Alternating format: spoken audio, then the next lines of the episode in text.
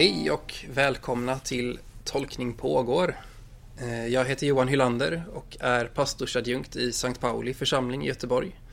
Och med mig idag har jag Theodor Helleberg och jag är pastorsadjunkt i Falkenbergs pastorat. Som är ett jättestort pastorat. Så jag har främst varit i två församlingar egentligen. Vinberg Ljungby och Staffsingen församling. Härligt, kul att du är med idag. Tack så mycket. Idag så fokuserar vi på tredje söndagen i fastan med temat Kampen mot ondskan. Eh, och vi ska ju gå in lite och framförallt prata om själva texterna men jag tänker att det ändå är ett tema som vi kan behöva fundera lite över också så jag undrar Theodor, om du skulle sammanfatta kort vad är ondska? För att ta de lätta frågorna. Vad är de lätta frågorna? Eh, det är på ett sätt kanske ett, en enkel fråga som man kanske skulle kunna tänka ge ett enkelt svar. Men ju mer man nystar upp det här nystanet så märker man att ja, det var inte bara ett litet snöre, det var en väldigt lång tråd som man kan börja ja, försöka samla ihop till någonting. Men genom historien så har man ju ofta olika teologer haft olika svar på den frågan. Och jag tänker väl att mig att det är det som är motsatsen till det som är gott.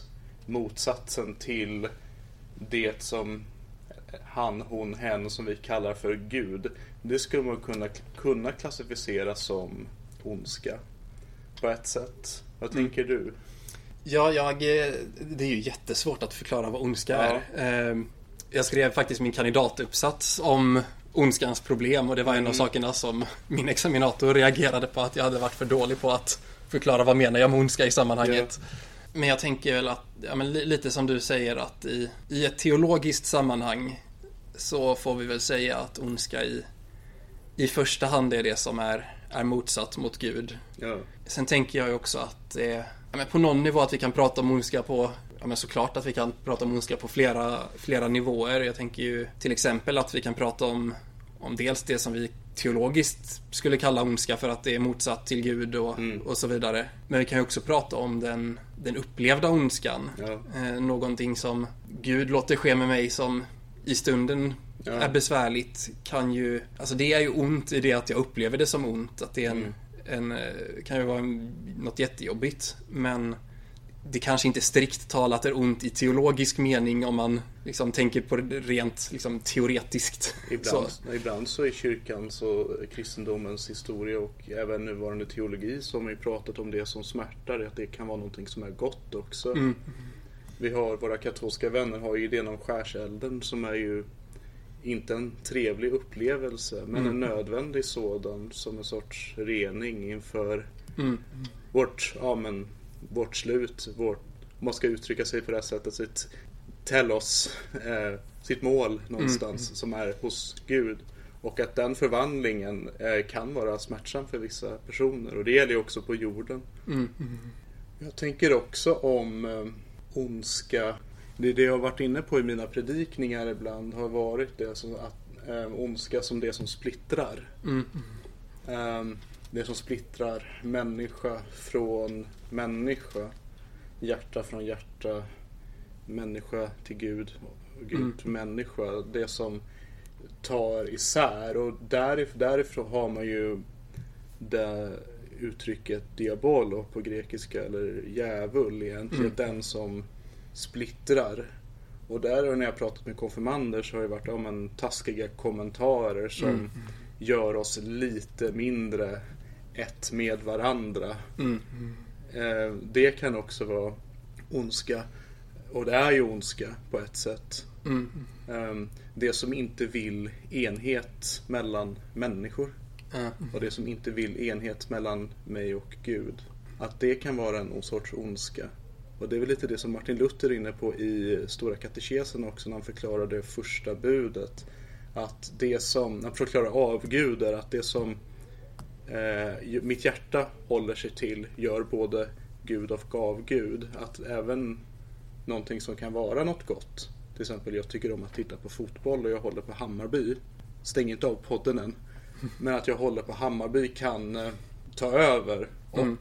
sätta mm, att mitt, mitt perspektiv i skapelsen mellan mig och den Gud som älskar mig, att vi blir längre ifrån varandra. Så det finns så många olika ja, trådar i det, här man kan ta upp. Verkligen. Ja. Och det är ju verkligen uttryck för en massa intressanta predikningar. Verkligen. Det, det är ju ett tema som återkommer inte bara denna söndag. Nej.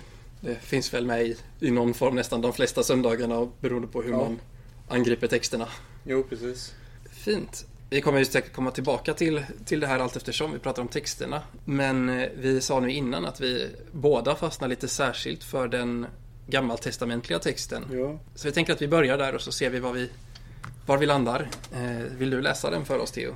gör jag så gärna och den är hämtad ifrån första kungaboken kapitel 18 verserna 26 till 29 och verserna 36 till 39. Och det är den tredje årgångens texter som vi läser. Baalsprofeterna tog den tjur de hade fått och gjorde i ordning den. Sedan åkallade de Baal oavbrutet från morgon ända till middagstiden. Baal svara oss. Men det kom inget ljud och inget svar. Då började de hoppa omkring altaret och som de hade rest. Vid middagstiden hånade Elia dem. Ropa högre, sa, sade han. Han är ju Gud, men han har väl sitt att sköta. Han kan ha gått avsides eller vara ute i något ärende. Kanske han sover och måste vakna först. De ropade ännu högre och sargade sig med knivar och spjut som de brukade, så att blodet flöt. Hela eftermiddagen fortsatte de i profetisk extas till tiden för matoffret. Men det kom inget ljud, inget svar, inget tecken. När tiden för matoffret var inne trädde profeten Elia fram och bad Herre, Abrahams, Isaks och Israels Gud. Låt det idag bli uppenbart att du är Gud i Israel. Att jag är din tjänare och att det är på din befallning jag har gjort allt detta. Svara mig, Herre. Svara mig så att detta folk inser att det är du, Herre, som är Gud och att det är du som har vänt deras hjärtan bort från dig. Då slog Herrens eld ner och förtärde offret och veden. Stenarna och jorden slickade upp vattnet i diket. Folket såg vad som hände och föll ner på sina ansikten och ropade Det är Herren som är Gud. Det är Herren som är Gud. Ja, det är ju en dramatisk text. Väldigt eh, dramatisk text och eh, jag kan väl inte säga att Elia är speciellt sympatisk i den heller. Nej, jag, jag tänkte på det nu, apropå Ja. vad vi sa om ondska innan, med, Ja. du, när du nämnde det här med särande kommentarer. Ja, Uh, er Gud? ja. Han gör ju ingenting. Och, och Han kanske är ute i något ärende. Ja, alltså, det är inte... han är kanske inte sover. Det låter lite som den här, de här dis- diskussionerna som var på 2000-talet med de nya ateistiska debattörerna där de gjorde sig roliga på en viss typ av kristendom. Eh, Mm. Richard Dawkins och Christopher Hitchens. Som ibland får man väl säga hade rimlig kritik emot Mm, absolut. viss eh, teologi som de hörde och som florerar och florerade då, även då. Verkligen. Men att det även finns i vår tradition och våra heliga skrifter. Verkligen. Det är ganska spännande faktiskt. Ja, jag, jag tänker på det. Var, var i den här texten ser du ondska? Alltså, vad, vad, vad är det vi ska kämpa emot här? Vad är det vi ska kämpa emot här? Ja, vi kan ju gå då som händer efter den här texten. Mm. När eh, Israeliterna eh, går och hugger ihjäl alla Baalsprofeterna. Ehm, det är ju någonting som vi idag, om vi skulle få den berättat för oss, eh, nog att vi skulle reagera emot. Mm. Verkligen. Att det här är ju ingenting som är sympatiskt från vårt perspektiv idag. Nej, det är ju inte, det är inte något jag skulle framställa som här Nej. har vi idealet för Nej. eh, sunda interreligiösa relationer. Eh, Nej. Håna varandra, tävla och eh, avrätta varandra. Nej. Men samtidigt så för de som läser de här texterna i sitt sammanhang så är det inga problem egentligen. För, de, för deras perspektiv så ja, men det är klart att det är Elia och Israeliterna som är hjältarna förmodligen. I den här berättelsen och inte Baalsprofeterna. Mm.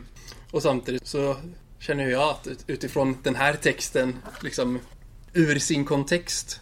Alltså skulle jag välja sida i den här striden så jag menar Ja, Bal framstår som ganska maktlös. Ja. Det är ju inget svar på Balsprofeternas åkallan. Ja. Men just det här avsnittet, det finns ju andra bibelavsnitt där Balsanhängarna är mindre sympatiska, men Ja. i just det här avsnittet så, ja, det enda de gör är ju att, att be till sin gud. Förlora en tävling och sen försöka ta sig därifrån. Ja. Eh, Elia som påstås vara vår hjälte, han hånar och han låter avrätta dem efteråt. Och säger dessutom att det är Gud som har vänt, vänt basprofeterna ifrån Gud. Den här tanken att Gud ligger bakom både det goda och det onda finns ju på flera håll i Gamla Testamentet och den är utifrån vår definition av ondska som det som är Ja. motsatt Gud så är ju det lite svårt att svälja. Ja, och det, och det tänker jag, det för mig tankarna till Jobs bok egentligen där Jobb får lida på Guds tillåtelse Mm. av eh, på en, enda stället i Gamla Testamentet där Satan är personifierad som någonting egentligen tror jag. Det är Jobs bok. Ja, det är det viktigaste stället i Ja. alla fall definitivt. Ja. Ehm, där står Hasatan på hebreiska som en person och inte då som ett verb. Mm. Men att det är då på Guds tillåtelse som allt så mycket ont träffar jobb på något sätt. Så i Gamla Testamentet på sina, perspektiv, eh, sina håll som du sa så är det ju väldigt mycket Guds, Gud som allsmäktig i ett mindre problem. För den här diskussionen som har varit liksom om om Gud är allsmäktig, hur kan då ont förekomma? är ju inte ett problem för de här Nej, om- texterna Om, om Gud kan överhuvudtaget. stå bakom det onda också så, så är det löst. Sen är det inte en lösning Ja, de flesta av oss idag känner oss bekväma med. Ja, Gud är ju mest som en jordbävning och som är ganska, för, det som har skett nu, som är helt fruktansvärt Mm. i Turkiet. Verkligen. Alltså, det bara sker. Mm. Och on, onda och goda människor liksom drabbas. Mm. Det, är, det är liksom som en sorts naturkraft som verkligen eh, ibland drar igenom. Ja, och där får vi ju, tänker jag på någon nivå, tänka att antingen är, är Gud mer åt naturkraftshållet och Mm. både välsignar och drabbar oss oavsett om vi Ja. förtjänar det eller inte. Eller så tänker vi Gud mer som personligt som kanske är det mer, mer utbredda gudsbilden i, i mina sammanhang i alla fall. Ja, Men då måste vi också hantera att, jag menar apropå jobb, att oavsett om det är Gud som aktivt orsakar Mm. saker som Elia verkar säga här så, så är det ju åtminstone så att Gud tillåter det ja, eh, av ett eller annat skäl. ja. Och ibland kan vi ju kanske lyckas filosofera oss fram till någon form av förklaring men Mm. jag menar en jordbävning med tiotusentals drabbade. Ja. Det är svårt att, att säga att åh men det, ni lärde er mer tålamod. Mm. Eller ja, det var för den här eller den här anledningen som, som absolut kan funka i vissa Ja. fall men det är ju svårt att, eh, att helt komma förbi det. Ja, hade inte det kunnat vara ondska om jag prövar tankar? Att när man ska hitta mening i ondska, att det är inte det vi ska göra. Att ondska är meningslöst. För det är, den som är meningsfull, det är Gud. Och det som sker som är fullt med mening, det, det, det är gott. Mm. Men ehm, när någonting sånt här sker, att en jordbävning eller någon blir, någon blir extremt sårad av någon annan. Det här meningslösa som sker, att det är just det som är ondska. Eller kan vara ett svar på vad ondska kan vara. Mm. Meningslöst lidande bland annat. Ja, nej, men det är väl lite som, som man säger ibland att mot, motsatsen till kärlek är ju inte, inte hat utan apati. Ja. Alltså det här, det, här- det här liksom helt meningslösa kanske är det som är motsatsen till Gud snarare Mm. än, än det vi liksom till vardags skulle kalla ondska. Jag provtänker också bara nu, jag vet inte om jag tycker det håller men Nej. ja, det, är, det är så lätt att tänka att det är liksom lidandet i sig som är, som är motsatsen till, till det goda. Men jag tänker kanske på ondska i den meningen. Då, då är vi lite i det här den upplevda ondskan. Mm. Där tänker jag ju ändå att, att Kristusberättelsen säger ju ändå att det inte nödvändigtvis i alla fall är så att den, den upplevda ondskan är raka motsatsen till, Mm. till Guds godhet. Ja. Eh, utan, inte för att förhärliga lidandet i sig, men det är i alla fall möjligt i vissa fall att, att det vi upplever som ont, så typ en korsfästelse, ändå på något annat plan kan vara meningsfullt och då åtminstone inte raka motsatsen till Gud, även om kanske inte exakt Guds vilja. Medan då det här meningslösa lidandet som en, en jordbävning ställer till med, att Mm. där har vi motsatsen till Gud. Ja. Så vad gör vi av Elia i det här? Vad gör vi av Lia i det här? Hur, hur, alltså hur, om vi nu tar jordbävningen som vi alla har färskt i, i minnet. Ja. Eh, vad, vad innebär det? Alltså att, ja, men här i berättelsen så, vi kan tycka vad vi vill om det, men, men på någon nivå så ur, ur författarens perspektiv så motsvarar ju Balsprofeterna någon form av ondska. Eh, De står för någonting som är något annat än Gud. Och det gör ju, tänk, låter det som att vi båda tänker att, att jordbävningen och dess följder på någon nivå gör också. Så vad, vad är det? Vad skulle liksom vara vår motsvarighet till det Elia gör här? Ja. För jag tänker att eh, för de flesta av oss idag så är det ju inte, så är det inte i, i första hand Balsprofeter vi går ut och kämpar mot. Nej, det, men det är väl, tänker jag, om man får, vi är ju Göteborg, en gammal fabriksstad som har sin till viss del röda historia. Men det finns ju marknadskrafter skulle man kunna prata om som det som vill få oss att rikta blicken ifrån dit vi är egentligen är på väg. Typ eh, influencers och eh, reklam som säger ja men köp det här så blir det du, du ditt sanna jag. Men att vi är ju våra sanna jag redan. Vi kan inte köpa oss till det. Och när vi möter Gud, det, det, det är då vi ska bli, slutligen bli vår, all, verkligen bli våra sanna jag.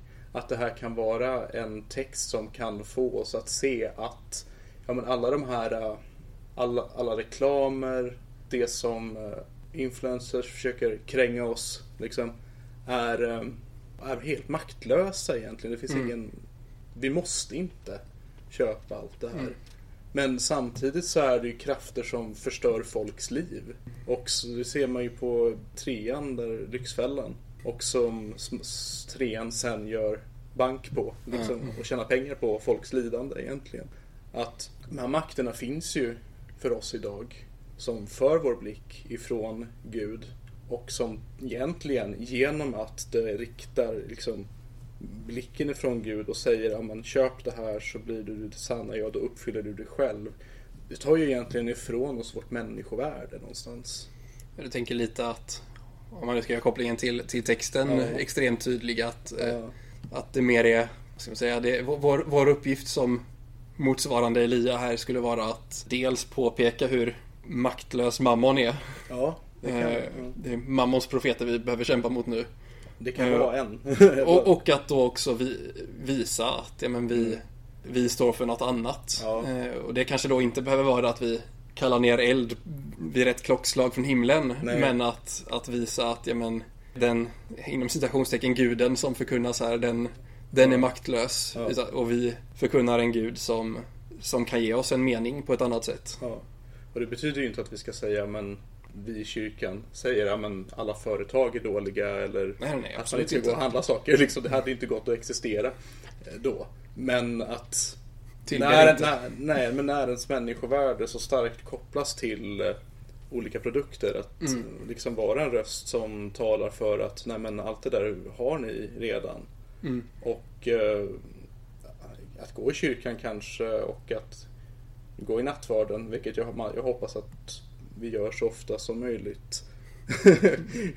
vilket inte ens vi präster gör. Men någonstans se att det är en övning i att bli kanske mer oss själva. Det är en övning att närma sig Gud.